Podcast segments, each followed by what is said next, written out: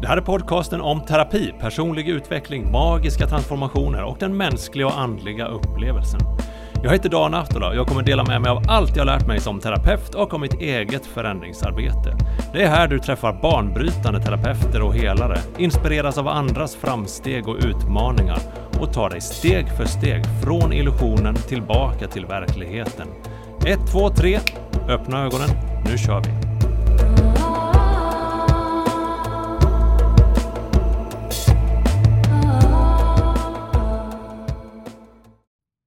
Tusen tack, eller ska jag kanske säga 3000 tack. För eh, det var bara några timmar sedan som antalet lyssningar och nedladdningar passerade just 3000. Och det blev jag verkligen jätteglad för. Att just du lyssnar. Och i dagens 1, 2, 3 öppna ögonen så pratar jag med Alfrida Ivarsson. I stark kontakt med det mediala, högkänsliga, energier och visioner. Dedikerad till medvetenhet och utforskande av livet och hjälper andra med det genom hypnos, korsning, energimedvetenhet och yoga. Hon kallar sig själv en frihetssökande alkemist på sin färd inifrån och ut. Varsågoda Alfrida Ivarsson. Alfrida, jag hade ju avsikten att prata med dig om högkänslighet. Eh, för jag vet att du har jobbat en del med högkänslighet, att eh, du själv är högkänslig. Men eh, under planeringen som ledde upp till det här avsnittet, då har det hänt någonting annat. Berätta, var befinner du dig just nu?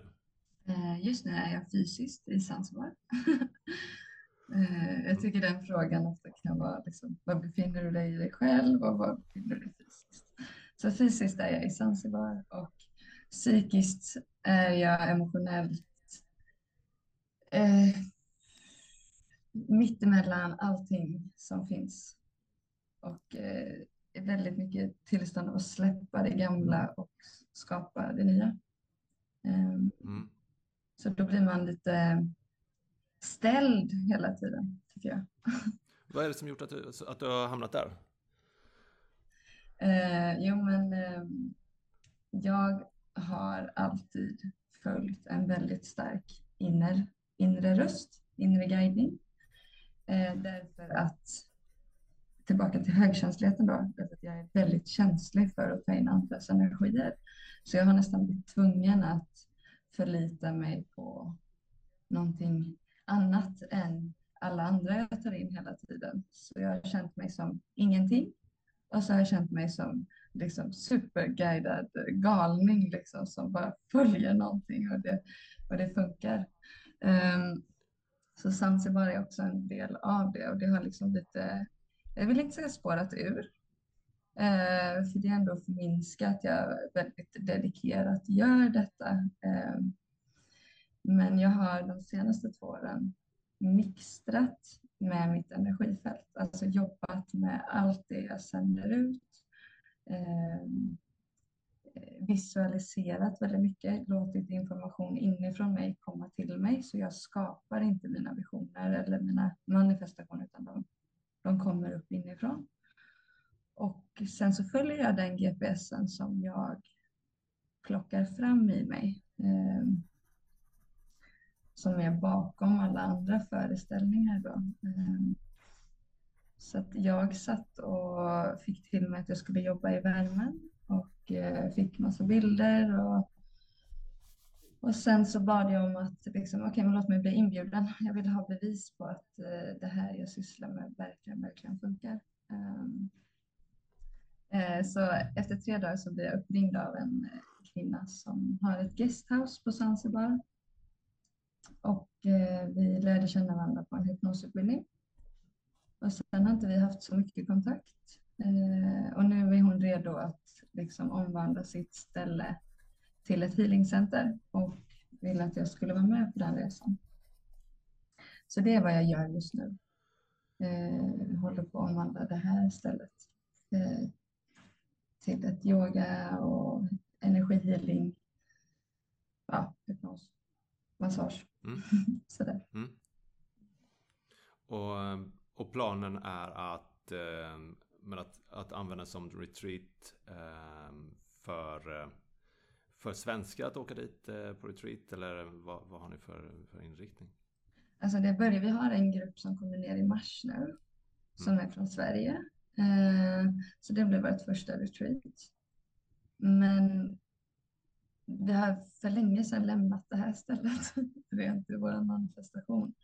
Okay. Så det jag har börjat se framför mig är något helt annat. Det är djungel, det är lite by och där ska vi jobba med ja, men, den jättestora visionen är eh, att skapa ett koncept som och samtidigt bygga upp många healingcenter på jorden. Eh, där, där vi kan utbyta kunskap mellan liksom, alla grenar, öst till väst. Eh, men också hela tiden köpa tillbaka, alltså ge tillbaka till jorden. Alltså intentionen ska hela tiden vara att hjälpa människor och jorden och att skapa frihet för för de som är som oss eller som mig eller som vill ha frihet, som vill ha någonting annat. Så att de får jobba med det och samtidigt hjälpa människor som, som jag tror det kommer bli fler och fler som behöver väldigt mycket hjälp på olika sätt. Ja. Eh. Vilken sorts hjälp eh, tänker du då? Eh, jag tänker en typ av medvetenhetshjälp, en hjälp över att släppa mycket gammalt Eh, jag har märkt att typ det som jag går igenom eh, som högkänslig eller som väldigt mottaglig eller vad man ska kalla det. Eh, jag tror att vi som människa är en stor kropp. Och sen så är vi massa individer. Så det jag upplever, det, kom, det upplever alla på någon nivå. Och jag upplever ett stort skifte. Mm, jag, jag känner igen det, men jag, har inte riktigt, jag kan inte riktigt definiera det, men jag, jag är med på vad du menar. Mm, jag kan tänka mig det. Eh, och det betyder nog olika för, för alla hur man liksom tolkar allt som händer just nu. Men jag ser inte det som att det är något dåligt som händer utan eh, naturen funkar så. Det blir kaos, det blir förruttnelse, det blir eh, död, det blir nytt liv. Ja, sådär. Faser.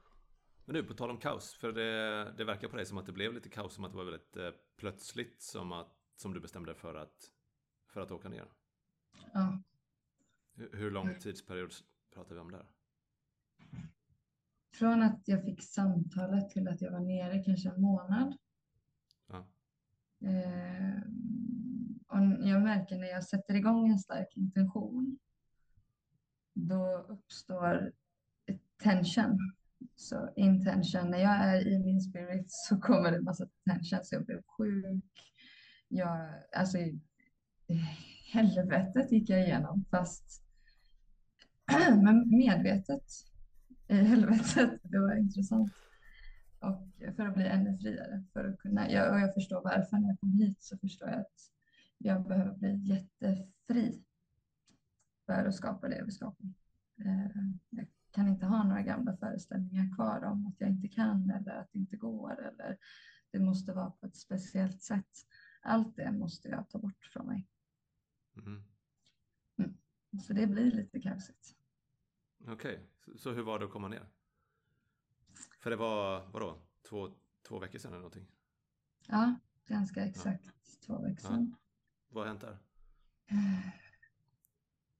Jag har inte varit så mycket utåt. Jag har varit väldigt mycket inåt. Extremt mycket meditation och breathwork. Och, eh, för att min verklighet rasar. Min gamla verklighet rasar ifrån mig. Så att, och jag snappar upp allting också. Så jag sitter liksom och bara Ja, det var den gamla rösten. Ja, där var det. Okej, det var det. Och så kände jag när jag går ner in i de rösterna känslomässigt.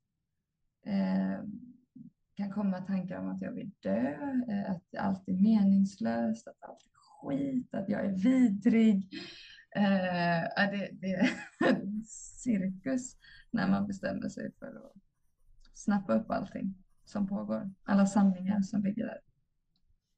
Undermedvetet. Mm. Så kaos på ett väldigt inåt plan. Man kan mm. inte se det på mig liksom, ens. Ja. Mm. Vad tror du är poängen med, med det kaoset? Att du går igenom det? Jag försöker lägga mig bara för att inte bli för, jag har lätt för att bli så inzoomad att det är gränsfall alltså. Ehm, så jag försöker se mig själv som en evolutionär varelse och att eh, jag evolutionärt eh, går in i den nya formen av människa. Så jag gillar ju att använda alkemi som perspektiv. Och då omvandlar man, omvandlar man bly till guld. Eh, både metallerna utanför och inuti sig själv. Så att, men jag håller på att gå mot guldformen så är det de här faserna jag ska gå igenom. Guldformen kanske händer om 3000 liv, jag har ingen aning. Men i någon form av smältnings, någon form av stark process i det. Kan vi inte prata lite om alkemi? Det är ju, alltså, jag har inte, det enda man har lärt sig om alkemi, alltså under, eh, under en, eh, man kan kalla det en vanlig uppväxt, det är att det var lite sådär giriga och lite knäppa vetenskapsmän som ville skapa guld. Typ Strindberg, lite sådär eh, spretigt hår och vild blick. Och så ville de skapa rikedomar. Eh, men vad jag förstått att alkemi just handlar om att omvandla en energi till en annan. Mm. Och att eh, det finns så jävla många alkemister i världen. Eh, bara att man, de flesta kanske inte har vetat om att, att, man, att man har varit det. Eh, jag mm. skulle vilja påstå att jag är en alkemist och en magiker i den formen. Omvandla en energi till en annan i form av kanske känslor eller föreställningar. Eh, det verkar som att du har en, just gått ett, ett steg längre i, i, det här, liksom, i det fysiska och i det praktiska. Eh, genom att faktiskt, men som du säger, typ lyssna på vad som, vad som pågår inom dig. Mm. Skulle du hålla med om det? Ja. Um jag skulle säga att man blir alkemist så fort man steppar in i att vara en del av processen medvetet. Ehm, så ja, precis. Alkemi är ju att ta perspektiv och att hitta sin sanning. Det blir lite som den enda typen av religionsliknande eller filosof, filosofi som jag resonerar med. Och det är den delen som jag, jag fått extremt mycket inifrån som jag sen har läst. Vilket gör att det blir en väldigt stark sanning i mig, de perspektiven. Så typ, långt innan jag läste om alkemi så började jag få till mig alkemisk, alltså bröllop mellan maskulint och feminint. Eh, och man kan, det kan man tolka också, inte bara liksom i kön, utan i att det finns den maskulina energin är är toppen på vågen och den feminina är dalen. Så det är en kontraherande energi och en expanderande energi. Och alla religioner är och nafsar på det här, the middle way, liksom, eh, balansen. Eh, och den enkelheten resonerar jag med, att, att du kan utforska dig själv i vilken annan livsform som helst. Du kan förstå livet genom livet. Så det går att spegla upp allting utanför, inuti. Eh. Jag har, jag har förstått, ni har börjat eh, jag vet inte, samarbeta eller få kontakt med en, med en lokal eh, pastor där nere på Zanzibar. Eh, som håller på med någonting, eh, men som jag förstår, ganska banbrytande eller eh, jag vet inte, nytt eller annorlunda. Hur, mm. hur har ni kontakt med honom och vad är det som ni planerar att göra eller redan är på väg att göra? Eh, ja, den här pastorn är en jättefascinerande varelse. Eh, han har gått från eh, väldigt tungt missbruk till att hitta det här inre kallet liksom, som han definierar som Jesus och Gud. Eh, men han är liksom fullt, han förstår att allting lever inuti honom. Så vi resonerar ändå i våra perspektiv. Både jag och Sara har svårt för religion, hon som jag samarbetar med.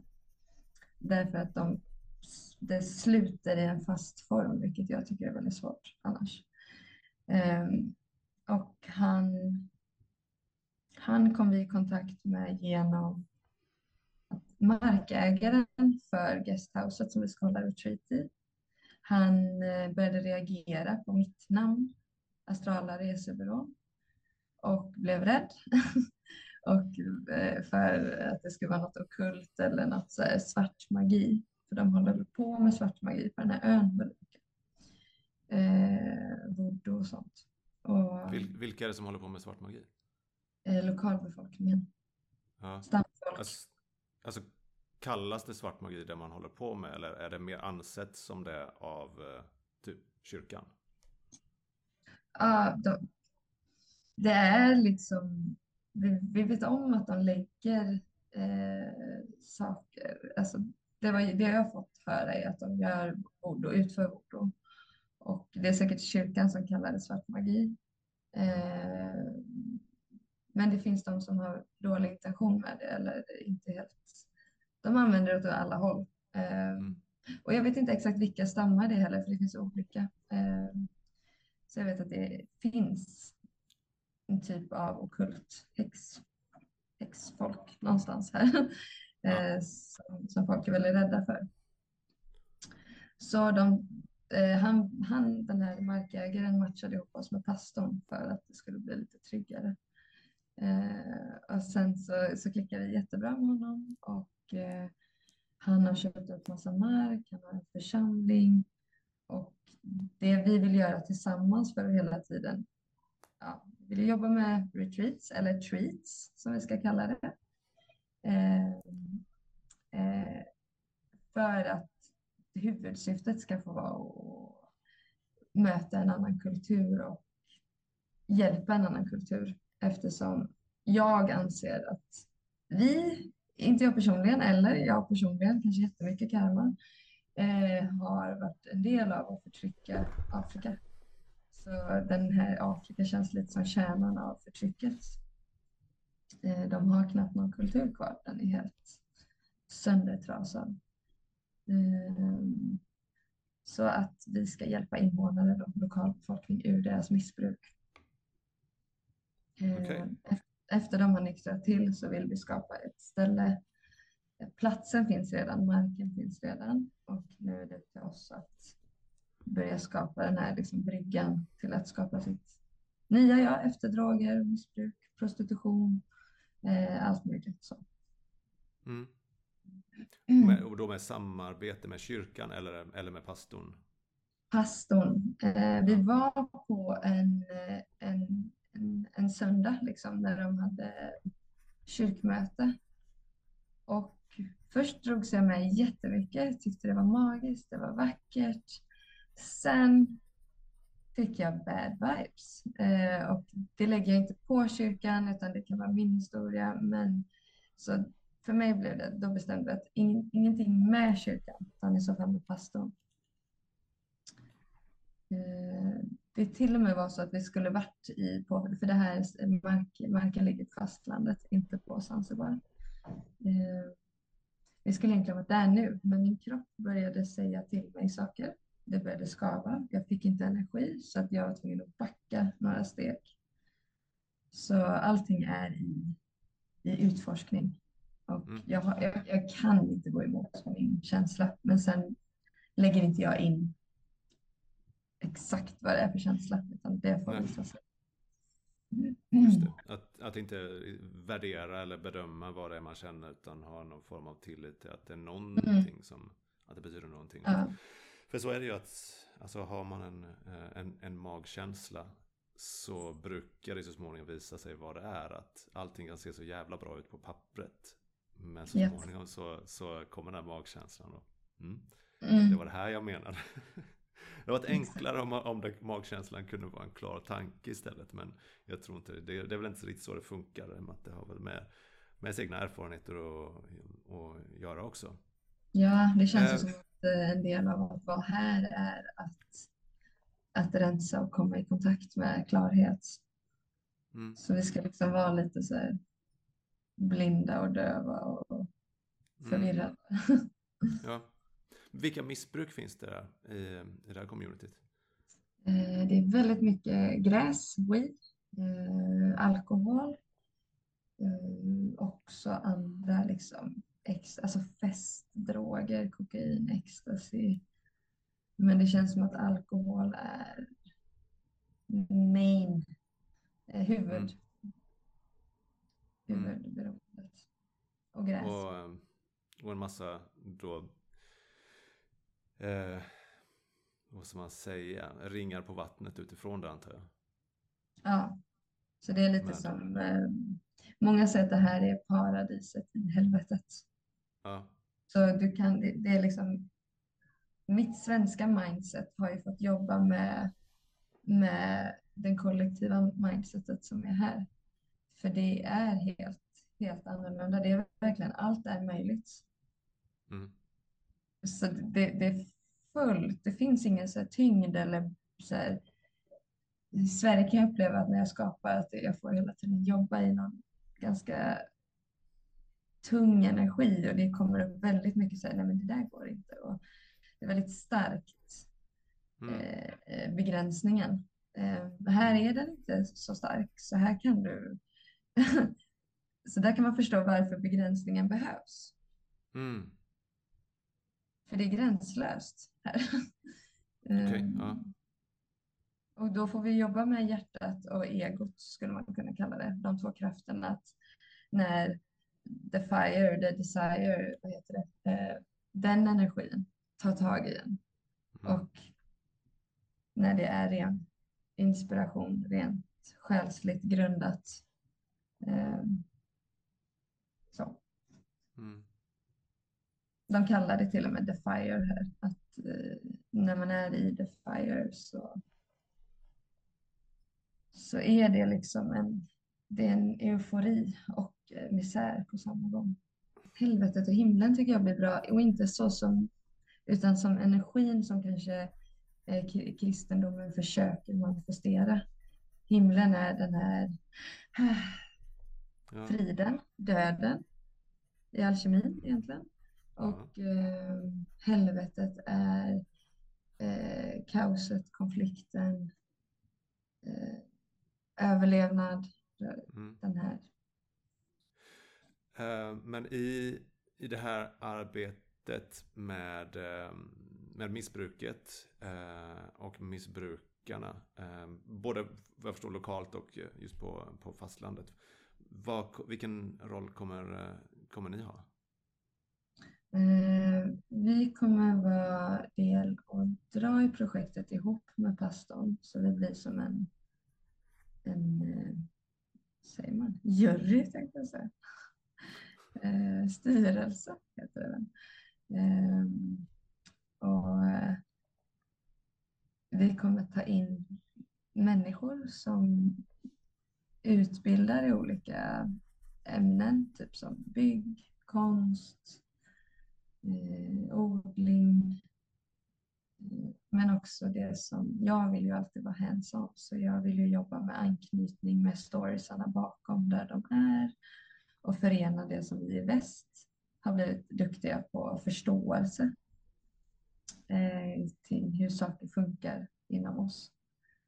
Förenat med deras mer kulturella, själsliga, naturliga del till dans och eh, ja, instinkter. Och, så jag ser det som att det hade varit coolt att baka ihop oss. Ja, men jag menar, du har ju, med, med tanke på din bakgrund som eh, hypnoterapeut så är det ju en, eh, en jävligt stark grund för att till exempel arbeta med, med missbruk och storyn där bakom.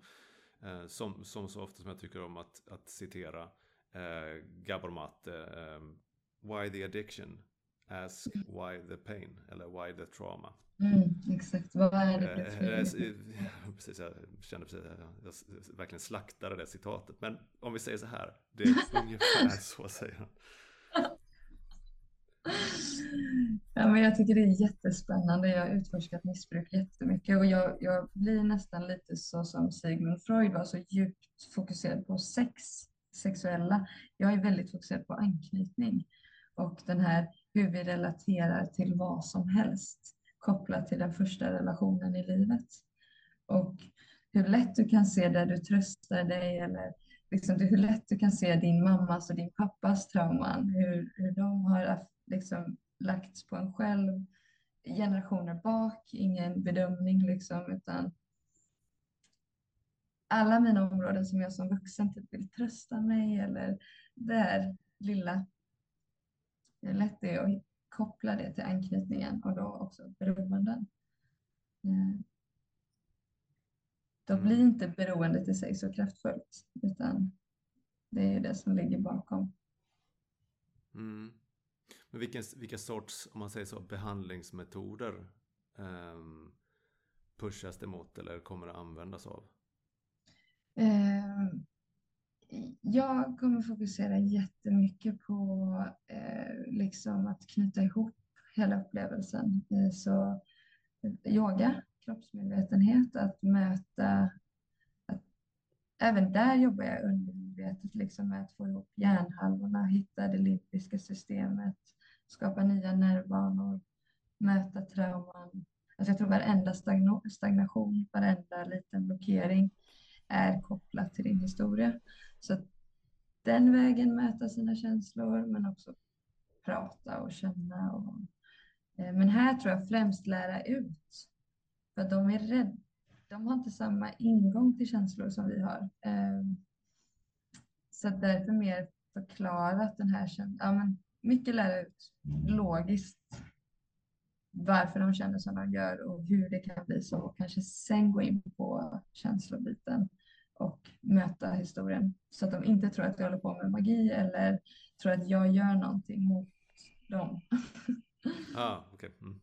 Mm. Så inte manipulation i, i det skeendet. Nej. Eller, Vilket i och för sig alltså manipulationer, ja. om man ska säga att manipulera handlar om att typ flytta någonting eller att sätta saker på, på plats eller förändra.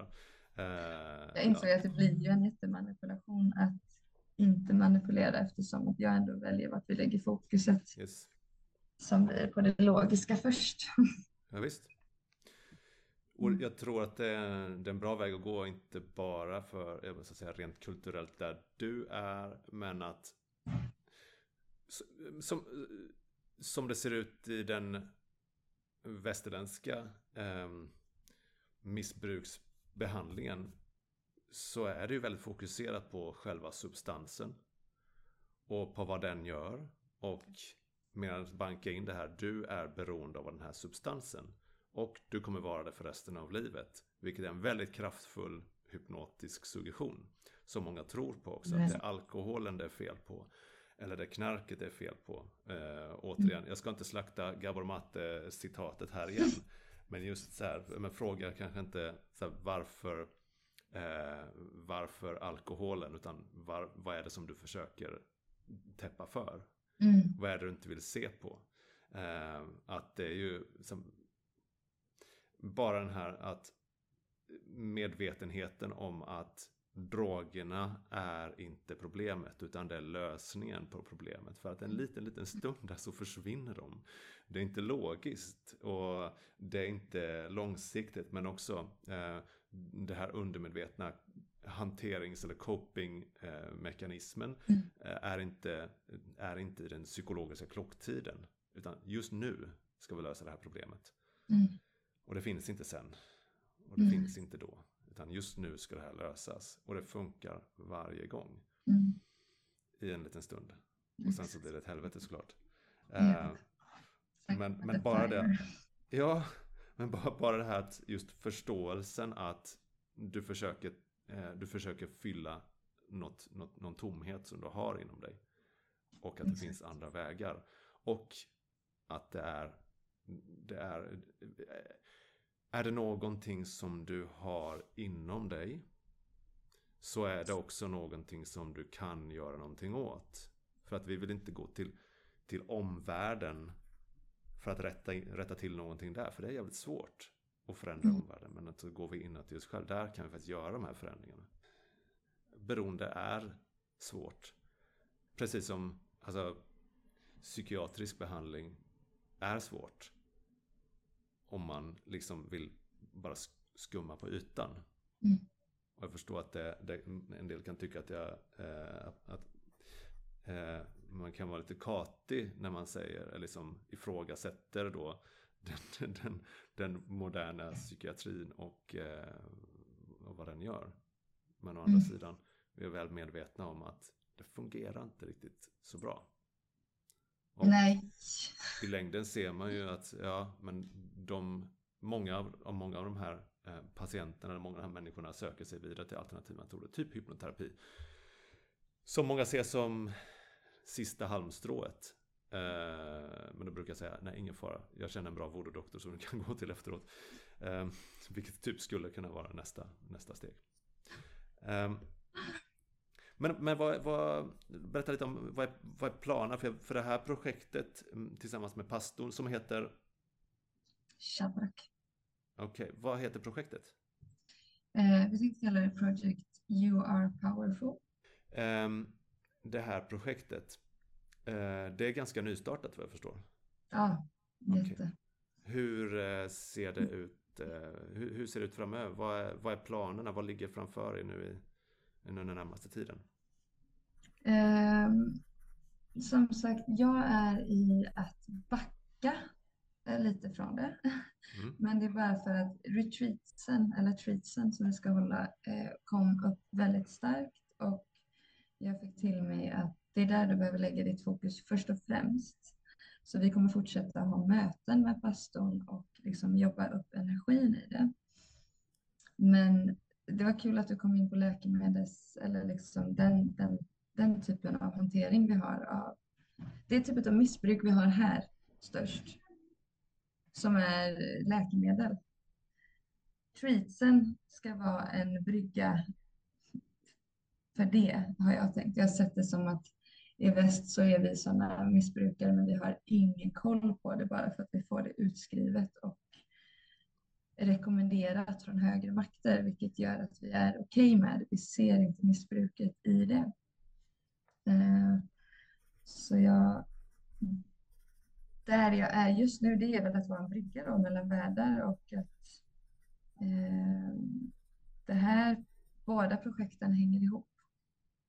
Eh, men allting är i en, det ska formas nu och manifesteras fysiskt. Mm. Eh, mm. Jag har, mm, okay. sen, sen jag var jätteliten så har jag aldrig velat ta in läkemedel i min kropp. Mm. Så det är en sån, min högkänsliga kropp reagerar jättestarkt på läkemedel. Därför har jag en stark relation till till alla läkemedel som alla ploppar i sig utan att mm. tänka. Mm. Mm. Är eh, den här sortens projekt, är de som backade av eh, typ staten, av, eh, av, av vet inte, kommuner, städer? Finns det, finns det någon liksom offentlig uppbackning? Utan det är helt, det är helt privat och beroende av typ donationer? Eller vem det som betalar för det? Det är donationer, men det, vi har börjat få kontakt med Svenska kyrkan. Så någon ganska högt uppsatt präst där är lite intresserad. Eh, det är några investerare och fladdrar runt i bakgrunden. Det, det är mycket folk igång åt, åt båda projekten. Men inget har...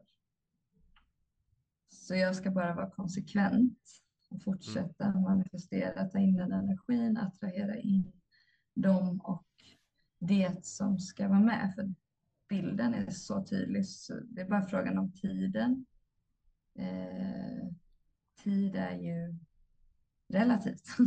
så, eh, så för mig är det viktigt att min kropp hinner med och att alla delar av mig hinner med bara så att jag... Mm. Mm. Jag är i den fasen. Ja. Men är det kopplat till, till eh, just högkänslighet, just att, att komma ikapp dig själv? Eller är det mer man sättet som du eh, ser på visioner och manifestationer? För du pratar om att det är liksom ingenting du skapar utan att det kommer upp inifrån. Mm. Ja, just det. Eh, jag ser det som, man kan förklara det som att vi har olika kroppar. Mm. Och det här är bara ett perspektiv. Så jag ser det som att det finns en astral kropp Eh, den är liksom fantasi, drömmar, den har ingen fysisk kropp. Det är en, det är en eh, gränslös plats, liksom. en upplevelse där vi upplever det gränslösa, där alla idéer kommer ifrån, liksom, där det skapar sig här.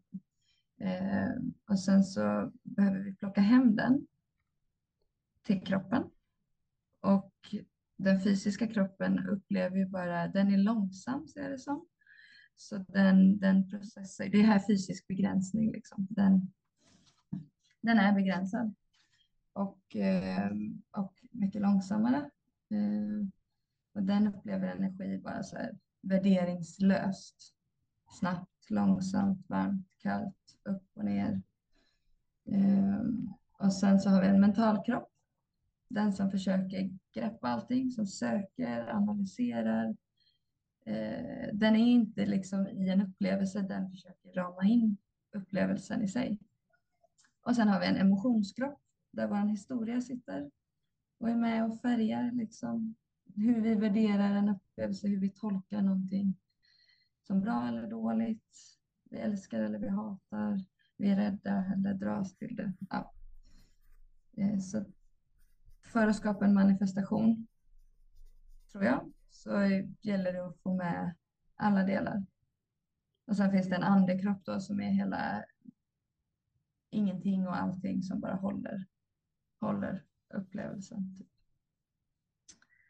Så ta det härifrån och hela vägen. Så man kan se det som till och med att man tar ner det genom kroppen. Det blir en liten bebis och sen föder man det till slut. Mm. Är det det här du jobbar med eh, i eh, Astrala resebyrån? Ja. Att på något sätt, jag vet inte, man vibar ihop eller får balans i att eh, också att kanske skapa en förståelse för sina egna olika kroppar. Jag kan mm. relatera till det i arbete med olika delar av oss. Mm. en del av oss kan vara um, dels ens livssituation. Det kan vara också olika roller. Det kan vara det inre barnet, ens framtida jag, ett själsliga jag. Det kan vara en känsla, ett minne, en upplevelse. Och att om de inte är i balans, vilket de oftast inte är, så ställer det till någon form av eh, skav eller problem. Mm. Och hur brukar det gå till? Det arbetet med de olika sorts kropparna som du gör i Astrala Resebyrån. Det är väl lite samma intresse som jag har i att bygga broar mellan kulturer, mellan... Eh, även här så tycker jag det är väldigt spännande att bygga bron, kontakten emellan kropparna. Jag vet att vi pendlar in och ut ur alla, men att det här, den lilla energin emellan kropparna, alltså vägen in, vägen dit. Eh, så när, även när jag jobbar med hypnos så gör jag det inte så himla traditionellt. Utan jag tycker vägen in är det mest intressanta av hela hypnosen. Sen vilket minne vi kommer till spelar ingen roll. Utan vad är det för strategier? Vad är det för byggstenar vägen in som vi kan fånga upp och finlira med? Mm. Eh, så vägen in, bryggan mellan allt. Mm. Jag håller med. Helt och hållet. Um, det, men jag tänkte fråga också, som jag blivit intresserad av. Um, men eftersom du då har, jag vet inte om du har tränat dig till det eller har börjat eller om, om, om det är någonting som bara kommit fram. Det här att just att följa eh, följa de här pingsen eller, eller eh, visionerna som kommer. Det, det, I ett fysiskt eller i, ett, i liksom det, det, det, praktiska livet måste det ställa till en del problem. Eller? Mm. Det tänker mm. jag som är, som är ganska liksom, eh, dels är jag platsbunden, eh, men det är också av val. Mm. Um, men att också antagligen är, är, är lite kvar i ett, i, eh, men också av val, kvar i, mm. i, i boxar. Att jag har min värld här. Mm. Förstår du vart jag, vart jag är på väg? Absolut. Försök att svara på det som om eh, jag inte frågar. Mm. Eh, jo, men det är väl det som har varit. Eh, ja, men allting är ju en del av allting. Så det som har varit en av min, min stora kamp eller konflikt med mig själv, det är att jag letar, jag letar fel på mig själv hela tiden. För att omvärlden har ju inte speglat upp att det här är ett beteende som är bra eller som man ska ha liksom. Mm. Men eh, alltså jag har haft väldigt kaosigt liv. Jag har inte haft en fast plats på 11 år. Så jag har flyttat runt ganska konstant sen jag fick lov, sen jag kunde. Eh, och ju mer jag förstår att det där sker, det där är både en skada och en gåva på samma gång. Eh, men ja, intressant svar på det här. jo, men det har ju verkligen gett mig jättemycket kaos, men det är som att den här varelsen lär sig och utvecklas genom det och vill inte ha någonting annat. Så även när jag bestämmer mig så här, nu ska jag rota mig, nu ska jag vara här i alla fall tre månader utan att röra mig från platsen. Typ. Det går inte. Efter två veckor så är jag på, sitter jag i bilen typ och har kört fyra timmar igen. Alltså, Mm. så jag behöver vara i rörelse och i intuition och annars blir jag sjuk. Det skaver och skaver i min kropp. Alltså jag liksom, Ja. hela mitt system går ihop. Så det är Mm. inte en fråga om att jag kan inte, nästan inte ens välja något annat. Även om det är klart jag kan, men det är svårt att gå emot mig själv. Mm. Vad tror du eh, skavet kommer ifrån? Vad är det som eh, då förmedlas till dig att, att inte stanna till exempel? Eller att Mm. snarare, vi ska inte tala i negationer, att eh, fortsätta? Mm. Vad är, det, vad är det som Eh, händer tror du? Jag, jag tror ju att det finns någon form av... Här, är luddigt alltså, men jag har en känsla av att det, vi kommer hit med en typ av intention, en typ av plan. Och den... Jag vet inte hur fast den där planen är, men det finns i alla fall någon... Eh, jag känner när jag inte är i min intention. Eh, då tappar jag all energi. Jag är inte i resonans med mig själv. Så om jag, jag ser det som att jag fattar hela tiden och sen så är det den här mentala, fattar ingenting någonsin. Och den söker och letar efter vad är det här och sen så är det det jag kan gå på är resonans eller inte. Får jag energi här eller tyngs jag? Eh, men också det där elden som jag pratade om som kan dra iväg en som säkert många får diagnoser som bipolära eller man blir hög. Eh, den jobbar jag också på att se. Den är rolig. Eh, men den är också lite djävulsk liksom. Den är inte the middle way helt. Eh, så ja. Hur länge tror du man kan stanna i det här, eh, i den, här, den höga energin? För jag tänker att, eller i resonansen. För jag, eller min erfarenhet säger att men man kan inte vara där i som hela tiden. Eller? Kan man? Eh, i, I resonans kan man vara hela Ja. tiden. Eller nej, Ja. alltså det, ju mer resonans det är, desto mer dissonans dyker upp på en annan nivå. Mm. Så, men ju mer du är medveten om att det här kommer, när jag, när jag är här så kommer det här, Mm. desto mer reson, upptäcker du dissonansen eller skavet. Mm. Det kan inte vara konstant i resonans, nej. För att när du följer din intention så kommer tension, friktion. Eh, men jag skulle säga att generella drag så är jag nästan 100% i resonans nu. Med inslag av det andra skaviga. Mm. Så att jag upptäcker det väldigt lätt. Eh, Så jag tror du kan skapa din verklighet beroende på hur du relaterar till allting. Alla faser och allting i Mm. som kommer. Resonansen behöver relatera till dissonansen. För att, Ja. kunna, för att kunna vara resonansen. Mm. Eh, Exakt, den, den här klassiska, du vet, vi, vi behöver mörkret för att uppfatta ljuset och så vidare. Att, Ja. eh, och ju mer tränad man blir på det så kanske det kan bli också som en form av lek. Ungefär som när ett barn eh, leker med en lampa, har en lampknapp.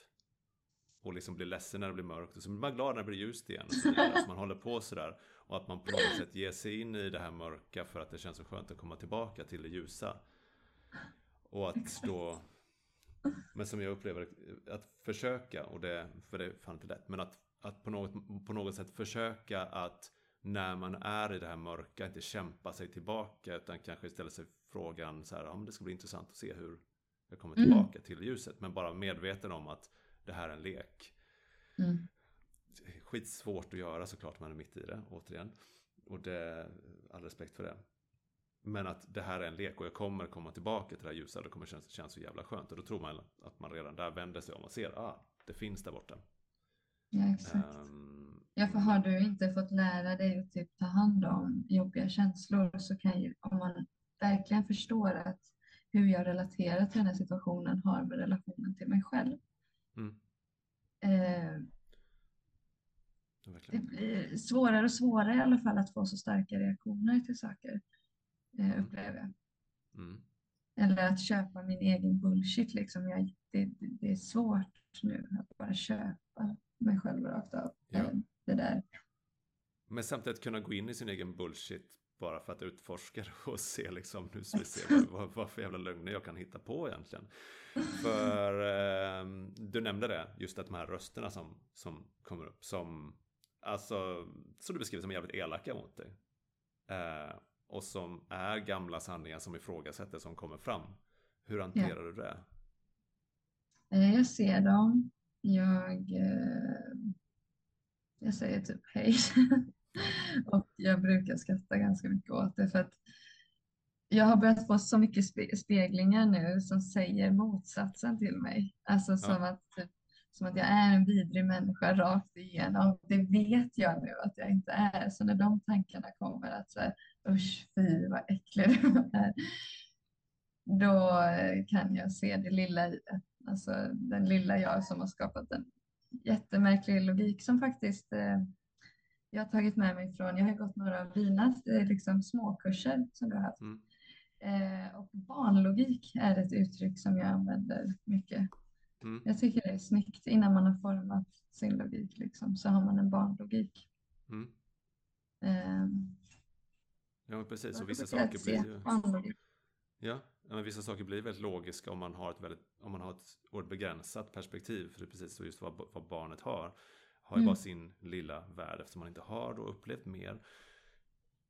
Att man har ett, det begränsade perspektivet av eh, mamma och pappa. Att man kan tro att de är mamma och pappa och ingenting Mm. mer. Och inte Mm. kan förstå att de har sin egen eh, värld. De har sin egen verklighet. Ehm, som inte alls har med mig att göra.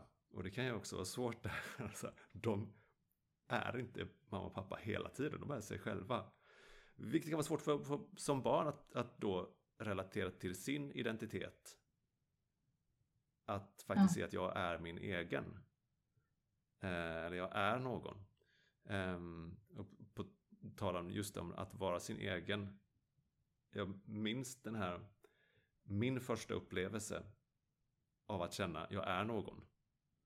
Att jag på något sätt fick en, jag vet inte om det var en utomkroppslig upplevelse, men att jag kunde tänka på mig själv. Så jag är någon. Och de andra är också någon.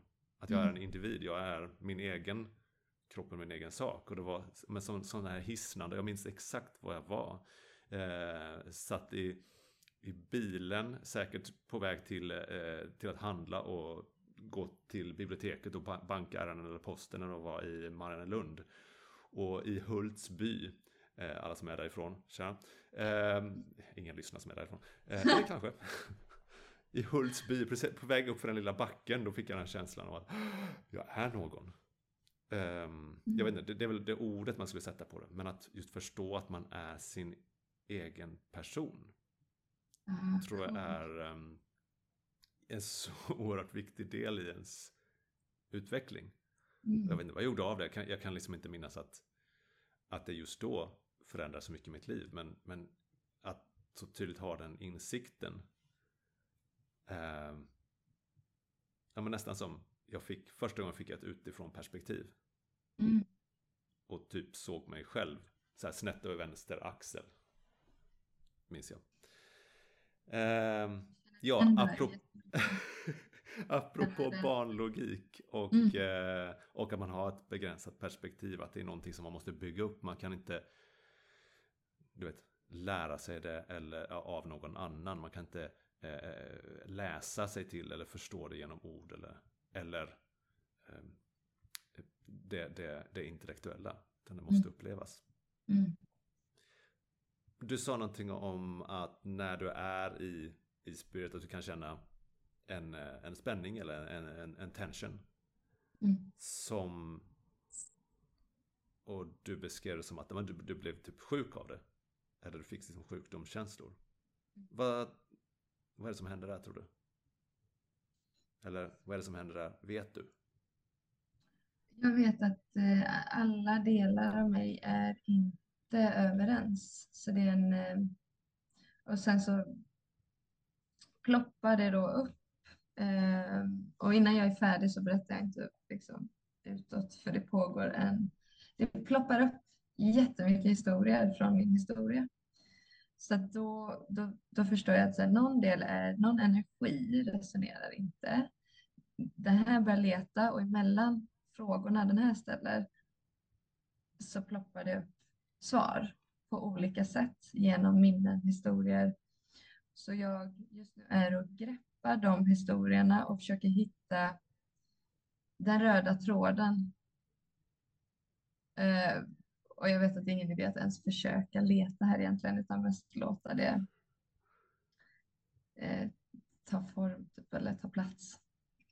Tills, tills, tills det kommer det här, ah, ja, ja. Eh, tills man vet hela vägen. Mm. Och jag är, jag är jättestarkt utforskande. Jag vet inte om det är kollektivt, men något som kommer till mig nu är att verkligen kanske gå emot många hypnotisörers eh, eh, teori kring det här mystiska och själva manipulationen som vi jobbar med. Det känns jätteviktigt för mig just nu att vara, lära ut om manipulation. Mm. Eh, att, eh, att vi ska förstå typ, att där vi är traumatiserade, där vi är inte i linje med oss själva, där är vi jätt, jättelätt manipulerade. Det är där det är lätt att skapa förvirring i en annan människa. Och någon som kan läsa av någon ser det. Så att jag blir, och jag som är väldigt högkänslig också, mer lätt manipulerade. Så det har varit en, en tjorvig resa mellan intuition och manipulation. Och liksom, ja, jag tror att allt är manipulation. Som allt är mm. historier och perspektiv. Så beroende på hur jag lägger fram något så kommer det avgöra hur, hur det tolkas. Mm. Uh, yeah. Det är på något sätt som att du då du skriver receptet. Men det kan ju inte, alltså det är eh, då ens, ens klient eller den andra personen är den som lagar maten. Att det är yeah. den personen som måste göra då själva manipulationen i sig själv. Att man kan lägga fram på ett visst sätt men det måste tolkas också. Det måste också ja. göras. För Exakt. det kan man också förkasta det. Mm. Um, man kan vara en spegling, hjälpa till och studsa det fram och tillbaka. Jag tror absolut inte bara inom hypnosen eller hypnoterapin att det, att det sker någon slags eh, skifte från det traditionella. Som till exempel man pratar om eh, induktioner, man pratar om hypnosdjup och så vidare. Att eh, det är mm. bara möjligt att göra vissa saker um, vid ett visst hypnosdjup till exempel, vilket är inte är sant. Äh, inte sant, ja det kan väl vara sant också, men jag köper inte riktigt att det är fullt sant. Um, eller att det måste se ut på ett visst sätt. Mm. Att till exempel att man måste typ lyckas komma in i hypnos, man måste uppnå någonting vilket antyder en prestation. Och det kan vara rätt svårt för många. För att man vill göra rätt. För att jag vill prestera för att komma in i det här tillståndet där jag kan göra förändringen. Är jag inte där kan jag inte göra förändringen. Och vad håller man på då? Ja, men då håller man på och tänker. Och när du tänker, ja, då är du definitivt inte där. Och att istället för att då motarbeta och, och typ skjutsa bort, som man säger, koppla bort det, det, det kritiska tänkandet. Så man, kan, vi, kan vi använda det kritiska tänkandet också? Kan det också få vara med? För att det har ju också en viktig uppgift typ i det här beskyddandet. Eller att, att, att upprätthålla någon form av eh, status quo ungefär. Um, ja, det är ju den som gör att det liksom, jag tror att det är den som gör att det händer. Alltså när det logiska, därför kan vi genom att besöka ett minne så kan vi skapa logik och sen förändring. Mm. Och känna känslan bakom så fort vi förstår den så kan vi tillåta den. Så jag tror att liksom det logiska, kritiska är jätteviktigt. Ja, absolut. Eh, för hela... Ja, det är också en, en balans till det, någonting som säger mm. att nej, det här, det, här, det här bromsar jag, eller det här stoppar mm. jag. Men det är också det, det är det logiska och det kritiska tänkandet som gör att ett, ett så kallat problem är ett problem. För att man förstår att det här mm. stämmer inte med min, eh, min verklighet, jag vill inte ha det så här. Och den ska ju mm. på något sätt vara vägledande att skapa en, en vision och en strategi och en plan framåt. Men den är inte den som mm. kan utföra det. Ehm, på det viset. Men om, men om man ska se det så här, om målet med att gå in i ett hypnotiskt tillstånd är att komma åt en, en känsla eller ett, som egentligen då är ett gammalt program. Den här känslan kan man ju oftast känna ganska lätt. Mm. Eller man kan uppleva sig i den känslan. Och om, det, om man har det fokuset eller den här, liksom att man är fast i den här upplevelsen, vilket är lättare om man blundar. Det är därför man mm. blundar när man gör hypnos. Men då är man ju där, då är man ju i det här tillståndet. Då behöver man inte hålla på och räkna ner och, och du vet, armar som ska lyftas upp och hänga kvar mm. och så vidare. De här testerna, visst de är underhållande. Ja. Men de är inte helt och hållet nödvändiga. För att det är den här det, är, det är lite typ. som att skippa vägen in. Ja. Finta bort det. Ja. Och så det kan vara härligt. Men det behövs inte, tror inte jag heller. Jag tror, alltså poängen med den, den traditionella induktionen är ju att ja, få bort fokus från omvärlden för en stund. Och det ja. sker ju enligt mig allra lättast med, mm. med fantasi. Ja. För att då går vi inåt och då, då, då, är, vi, då är det det undermedvetna som, som skapar. För fantasi är ingen logisk process. Mm. För att man kan ju tänka sig vad som helst. Jag kan ju fantisera eh, en, en, du vet, en, en lila eh, krokodil med sombrero som mm. röker och steppdansar. Inget, det där mm. finns ju inte. Men jag, jag har ju bilden här. Och då är mm. ju genast här, i ett annat tillstånd. Och det icke-logiska. Um, så vart vi ville komma med det här egentligen. Jag vet inte vad jag svävade iväg på. Men jag tyckte det var, det var roligt i alla fall. Angående, mm. angående just att kanske um, ifrågasätta det traditionella. Du sa någonting ja. om det. Eller det som, eh, ja, det som man har lärt eh, eh, hypnosvärlden. Mm. Det känns som att världen börjar bli redo för att alla hemligheter ska avslöjas. Mm. Alltså ja. det här som är det okulta, det mystiska. Nej. Mm. Spill the tea. Mm. Ut med det. Även det, schamaner och alla de som har hållit sin visdom lite för sig själva. Ut med det. Vi har ju lite det här eh, synsättet att det som vi ska göra ska vi göra utifrån det vi kan just nu. Mm. Inte utifrån att det kanske finns någonting annat. Till exempel att arbeta med energier.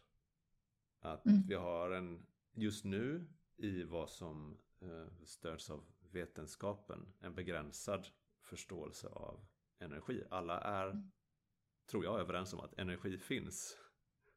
Men i olika former, att energi är mer än ja, men du vet, elektricitet eller eh, jag vet inte, ljudvågor. Mm. Men att vi kanske behöver vara, ha ögonen öppna för att energi kan bete sig och eh, vara någonting annat och att vi egentligen kan vara bra på att omvandla eller manipulera eller använda energi. Mm. Jag följer mycket något som heter universella lagar. Um, uh. Så jag typ utforskar men ljud och ljusvågor. Eh, energi är en, för mig då, eller ja, det har jag utforskat, rörelse. med en typ av medvetenhet underliggande. Mm. Och så är de här kropparna då med och skapar, alltså det finns energi beter sig på ett visst sätt, det är en kontakt emellan allting. Eh, jag tror också att allting sitter ihop mm. eh, genom energi så, så blir vi ett. Då finns inte de här, den fysiska kroppen är inte så fysisk, men vi har man så länge manifesterat det till väldigt fysiskt. Men skulle man liksom dyka in i bord eller vad som helst så är det ju energi. Mm. Så det rör på sig allting. Mm. Hade våra hjärnor, det är väl det som jag drömmer om, kan vi, kan vi tillsammans som grupp, för jag förstår att det blir mycket kraftfullare när vi är många, eh, vidga våra mindset, lite så matrix, eh, kan vi komma loss våra föreställningar så tror jag den här verkligheten kan förändras ordentligt både utseendemässigt, estetiskt, känslomässigt. Eh, det kan bli mycket roligare att vara här. Att det som kan tyckas som alltså, eh, flummigt eller andligt tror jag i framtiden kommer betraktas som teknologi. Ja, det tror jag med. Som, eh, men som, som används för att vi, många tror att vi är vid någon slags vägs ände för att vi teknologiskt inte kan lösa mm. miljöproblem eller försörjningsproblem och så vidare. Men att vi behöver då den, den nya, eller den, den, framtida teknologin av att mm. kunna arbeta med energier. Kanske. Ja, men där, där är jag med dig också. Vet du vad, det blir, det blir jävligt spännande att se hur det här kommer lösa sig. Ja. Istället för att bara vara i mörkret och fokusera på det. Att det inte är någon lösning just nu. Det ska bli jävligt spännande att se. Jag är glad att jag får ja. vara här just nu. Jättespännande event som pågår nu. Mm. Jag får med på. Vad tror du Dan förresten? Jag har suttit med den frågan. Eh, vad, jag vet ju att du är en varelse som är annorlunda liksom, men jag är inte riktigt vart är, vart är du i din tro och hur du upplever verkligheten? Just det. Eh, ja, men det är en intressant fråga. Jag är lite eh, hur ska man säga? Eh, jag är en väldigt andlig person med något i garderoben. Eller något som har gått till, till, tillbaka in i garderoben kan man säga. I den mer jordliga, eh, fysiska, materiella garderoben. Mm. Eller nej, tvärtom. Jag är i den andliga garderoben. Hur, ja, hur ser man det? Jag är, jag, är lite, jag är lite inne i garderoben som, eh, som en eh, andlig eh, varelse, kan man säga det? Eller min, i min tro på det. Och det är delvis medvetet också. Ehm, jag har haft ehm, erfarenheter av att inte vara döende, men varit, varit väldigt nära döden. Har varit i, och har relation till döden. Både i, i familjen. Eh, vi hade ett barn som dog vid födseln för eh, snart fem år sedan. Om mm. tio dagar så är det eh, fem år sedan. Och jag har själv haft, haft cancer. Eh, jag visste att jag inte skulle dö. Men jag kände mig som om kroppen höll på att dö. Mm. Och på något sätt har det väl kokats ihop någon förståelse för mig själv och min roll just nu. Det, det, det håller ju givetvis på att, att utvecklas och bli djupare inom mig själv. Eller den betydelsen det har för mig. Jag har ett behov just nu av att, att vara väldigt fysisk och i, i min kropp. Att vara på jorden just nu. Att vara på jorden för att det är här jag ska vara. Att jag har, var, tidigare var jag ganska liksom uppkopplad och iväg sväva någon annanstans och tänkte att men det är där man ska vara. Men det är ingen fara, jag kommer mm. dit sen. Men att just nu så har jag valt att vara på jorden för att göra det jobbet, för att vara människa. Um, det jag upplevde också just som sjuk av cellgifter och inte kunna ta mig från kroppen, inte kunna, mm. du vet, jag kunde inte meditera, jag kunde inte ta mig bort från det, jag var helt fången i en jätte, jätte, jättesvag kropp. Det var ju just det här att där, det var min hittills starkaste fysiska upplevelse av närvaro. Att jag Mm. kommer ingenstans. Och jag är här just nu. Jag kan inte, jag kan inte ta mig någonstans här. Eh, jag har liksom inget tidsperspektiv med att just nu är jag här i den här kroppen. Mm. Det var en väldigt stark andlig upplevelse av att vara eh, nära närvaro, ha närvaro i kroppen. Mm. Ehm, och jag tror att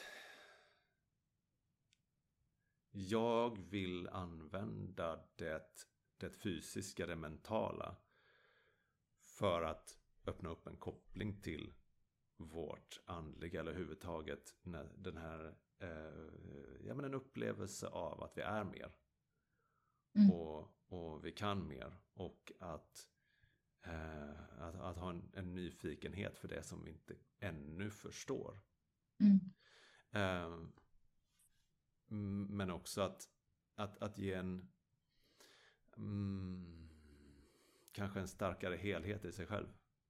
Att jag är inte ett, ett slagfält där olika Mm. delar av mig krigar mot varandra. Utan det kan vara att, att se, att föra samman, att se att Mm. den här ena sidan av mig ehm, som då är problemet och den andra sidan som är lösningen. De krigar inte mot varandra. Det är bara att de vet inte att de, vet inte att de finns. De, vet, de ser inte varandra. Att, att då kunna para ihop dem och säga hej, vet ni om att ni vill mig väl båda två? Att ni båda vill att jag ska uppnå ett högre Mm. syfte som kanske är då trygghet eller frihet Mm. på något sätt. Så att kan ni samarbeta för det högre syftet istället för att liksom hålla på och, och, och, och kämpa med de här lägre yttre problemen. Eh, lägre utan, utan eh, värdering. Mm. Utan snarare just det här eh, eh, väldigt ytliga symptomatiska. Och det är ju någonting som jag såklart eh, jobbar med i mig själv också. Och det är ju spännande. Men jag har, jag har liksom inget, för mig, för mig, för, för mig själv har jag inte någon, någon, eh, någon tro på att ja, jag kommer att uppnå någon form av perfektion i det här livet. Eh, och att det inte riktigt är det vi ska göra heller. Jag kommer, jag kommer aldrig bli färdig om man säger så. Eh, I det här livet. För att vad händer när man är färdig? Tror jag, det, det blir så jävla tyst och tråkigt och stilla så man kommer genast börja skapa problem bara för att få någonting att göra. Att det blir någon form av liv och rörelse i energierna. Ja. För att där, där är väl en form av du vet, stillhet. Eh, Död. I någon mån. Om, ja men det, det kanske var något slags svar på frågan. Mm. Eller åtminstone en, bör, en början på svaret. Som, Ja, så får vi se vad den fortsättningen. eh, Jag fortsättningen tycker kommer. om att kolla så här, ja, men om vi evolutionärt är, jag tycker om, då kan jag koppla ihop, när jag har börjat ställa frågan, vad tror du på? Mm. Bara för att eh, ja, men det blir intressant om man tar bort alla orden liksom från vad är, vad är det, det där? och typ samarbeten och liksom som du sa, Mm. få två delar att mötas istället för att kriga. Mm. Ja, det kan jag ju se på det, den stora bilden också, att det, det är där vi är och utforskar. Om Varför bråkar jag med mig själv så att det till och med är Ja. krig i hela världen liksom? Ja men eller Samtidigt. hur? Att, att vi är väldigt fokuserade på att lösa de yttre konflikterna eller snarare att observera dem och eh, bekräfta dem. Mm, Men jag tror att det är i, inom oss själva som alla måste börja. Att de här konflikterna med andra människor de, de finns för att vi själva har konflikter inom oss själva. ja. Om det nu är ego eller om det är trauma. Eh, Mm. Alltså ja, vad, vad den kan vara. Och att det allra, allra bästa du kan göra för resten av jorden det är att jobba med dina egna energier. Mm, ja. Och att det kan ju tyckas som att ja men ska, ska lilla jag, ska jag göra någon skillnad? Alltså, nej du, du gör inte all skillnad, men du gör skillnad. Mm, exakt. Där någonstans. Tack för att du frågade i alla fall. Det, det är en väldigt intressant fråga. Jag känner att jag, ehm, det får mig att det, det, det, det, det får att liksom, det vrider igång saker. Det, det, det får igång saker. Mm, Ehm, och det kanske kan vara en uppmaning till, eh, till alla som, som lyssnar att ställa frågan lite oftare Mm. till dig själv eller till andra omkring. Vad tror du på egentligen? Hur, hur fungerar alltet? Um, Det är ju bara det bara kommer upp nu. Det blir också en del, vi, både du och jag jobbar ju med trossystem. mm, Alltså vad har du byggt för sanningar? Vad har du skapat? Vad har du för program som går? Eh, och det blir liksom den djupaste kontakten. Vad har du för tro? Vad har du för kontakt med livet? mm. Det finns kanske någonting i den där frågan, vem tror du att du är? Mm. Fast om vi ser det på ett annat sätt. Vem tror du att du var kanske vi skulle fråga Ja. istället. Vem tror du att du är? Ja, tänk att bara omvandla den till något fint. Men vem tror du att du är? Mm. Mm. Där tror jag mycket lösningen ligger. Eller rätt- rättare att den ligger en början till en lösning. Mm. Att jag tror att jag inte är värd. Jag Mm. tror att jag eh, är dömd. Och att för en stund bara kunna, vi kan ge oss in i en, i en verklighet där det inte är så. Och kunna se att Mm. det är faktiskt möjligt att ta en annan väg. Exakt. Jag läste en eh, bok ny, nyligen, eh, Midnattsbiblioteket av Matt Haig. En eh, roman som handlar om en kvinna som hamnar i mellanrummet mellan liv och död. Som Mm. då är ett bibliotek. Och i det biblioteket finns böcker med alla hennes liv. Eller alla möjliga versioner och variationer. Där man ser på alla möjliga val man har kunnat göra. Alla de är verkligheter. Eh, I en annan dimension, i ett annat universum. Om vi ser på teorin om, om multiversa. Mm. Och att hon kan få välja att se på hur hade det gått om jag eh, inte hade hoppat av bandet. Om jag gifte mig med den här mannen. Om jag eh, hade beslutat mig för att satsa på, på simning. På att bli glaciärforskare till exempel. Och hon får gå in i de liven. Inte läsa om dem utan faktiskt gå in i dem och uppleva dem. Mm. Men eh, från den stunden där då hon beslutade att eh, avsluta sitt liv. Så det, dels så hoppar hon ju plötsligt in i en ny händelse. Hon är gift med en man som hon inte känner till exempel. Eh, men det är intressant att se. Eh, det jag kommer att tänka på är just den här att kunna besöka andra verkligheter. Hur hade det kunnat vara just nu? Eh, jag förstår att jag kan inte byta verklighet och, och vara på en annan plats helt plötsligt. Men till exempel om jag skulle ha det här perspektivet på mig själv. Om jag inte eh, tyckte illa om den här personen jag jobbar med, lever med eller ser i spegeln. Vad hade varit annorlunda? Finns det möjlighet att Mm. ändra på det? Och att Mm. först kunna se hur skulle mitt framtida jag kunna se ut? Eller leva eller vara? Mm. Vilka nödvändiga steg tar jag för att komma dit? Och jag tror det är en bra utgångspunkt. Bara för att ha någon form av möjlighet. Verkligen. För att vi tror, eller många av oss tror att vi är dömda till Mm.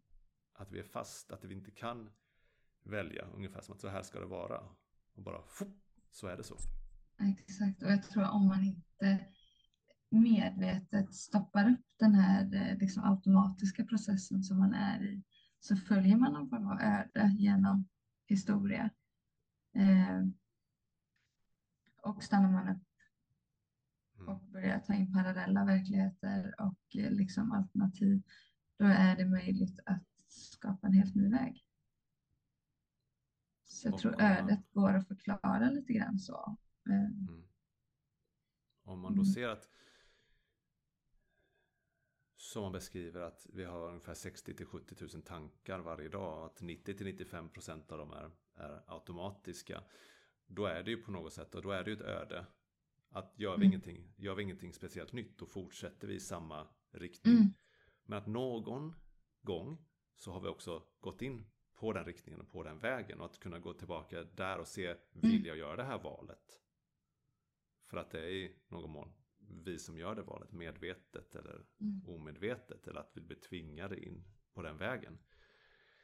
Till exempel att som, som barn se att eh, jag tror att jag blir bortvald eller övergiven.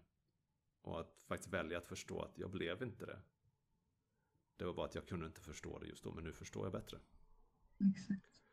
Eh, en extremt förenklad förklaring för ungefär Nej, men vad vi jobbar med. Den är jättebra tycker jag. För att det är ju där vi, man går med många till, till sådana små tillfällen som vi som vuxna inte skulle värdera som någon big deal. Men som barnet skapar en jättesanning kring. Japp. Så, mm. Jag tror många Ja. förvä- förväntar oss att det som skapat de problemen vi bär på idag, att det ska vara svåra trauman. Mm. Men att i många fall är de här, ur ett begränsat perspektiv, missförstånd. Ja, Eller att det skapas Ja. trauma. Och att vi kan inte se det idag. För att vi har inte samma perspektiv som barnet. Och barnet kan inte se det för att det har inte vuxna perspektivet. Så vi, någonstans där i det skiftet så, så försvinner den eh, förståelsen. Eller där, där försvinner tolkningen som vi gjorde då. mm. Så, men det var väl inte så farligt. Kan man säga. Ungefär som att man kan säga till någon annan att det här, det här är väl inte så farligt det du upplever. Nej, ur ditt perspektiv så betyder det ingenting. Mm. Jag jobbar mycket med, eh, med framförallt kvinnor som har emetofobi, alltså kräkfobi. Mm. Och det är ju, en, det är ju vardagen där att människor förstår inte. Att, vadå? Alltså ingen tycker om att kräkas. Nej. Men, men för dem så är det ofta den här upplevelsen av att det går inte att slappna av en sekund. För det här hotet eller det här eh, hotet finns överallt. Och det är osynligt dessutom. Just det. Så när som helst så kan du vara då i, eh, ja, drabbad. Skulle du säga att det handlar om, eh, liksom ofta då, jag har inte haft så många med kräkfobi, men jag får känslan av att det handlar om att man inte har haft kontroll på sin verklighet. Mycket oväntat och sånt där. Absolut. Mm. Kon- kontroll och kontrollförlust och kontrollbehov är en, en stor del av, av det hela enligt, Mm. enligt min erfarenhet. Och, och avsaknad av trygghet. Mm. Ehm, och, eh, inte tro att man kan ta sig vidare eller till och med får. Ehm, att, att det också blir att, att vara magsjuk är en väldig det är en väldigt tydlig och, ursäkta uttrycket, explosivt uttryck av sjukdom. Som där man förlorar kontrollen. Man, för, för, för, man förlorar kontrollen över, över sin kropp där några sekunder. Och Mm. det kan vara skrämmande. Och det är lätt att peka då på att det är det här som är problemet. För att det är Mm. så som det ser ut. Mm. Ungefär som att man då skulle kunna peka på det är alkoholen som är problemet för att det är den som förstör mitt liv. Medan det ligger någonting där bakom. Och att vi, alltså vi, vi söker efter en förklaring såklart hela tiden. Varför mår jag så Mm. dåligt? Varför är jag så rädd? Mm. Ja, men det Mm. måste vara för att, jag, för att jag kräks. För att det är det som Mm. är läskigt. Det är det, som är, det är det som jag kan se. Det är det som är synligt. Ja. Jag blev väldigt indragen när du pratade om parallella verkligheter. Jag, jag kan bara nämna det att jag hade i höstas. Jag försöker vara väldigt rationell och väldigt spirituell. Låta min spirituella sida ta med mig. Mm. Och sen så här, jag behöver inte. Det är okej. Det är liksom bara en upplevelse.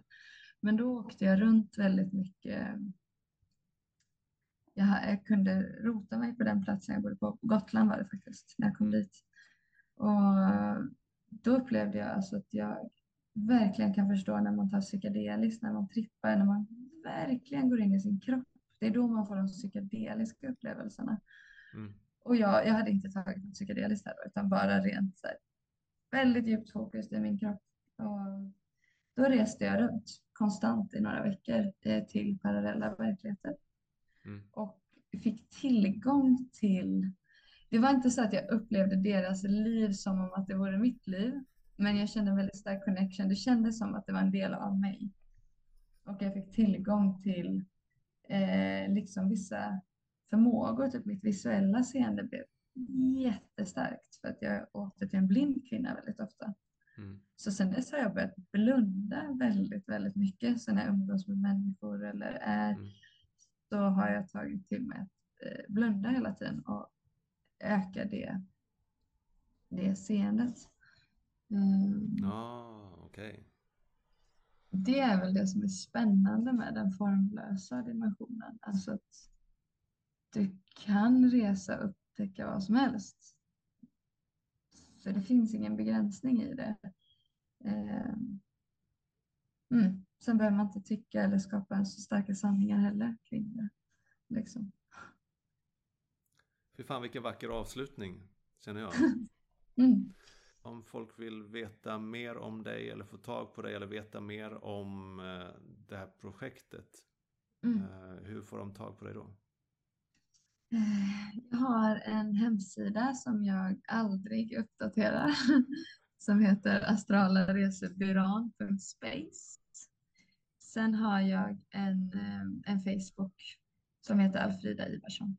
Astralaresebyran.space även på Instagram. Tusen tack för din tid. Tack så mycket själv.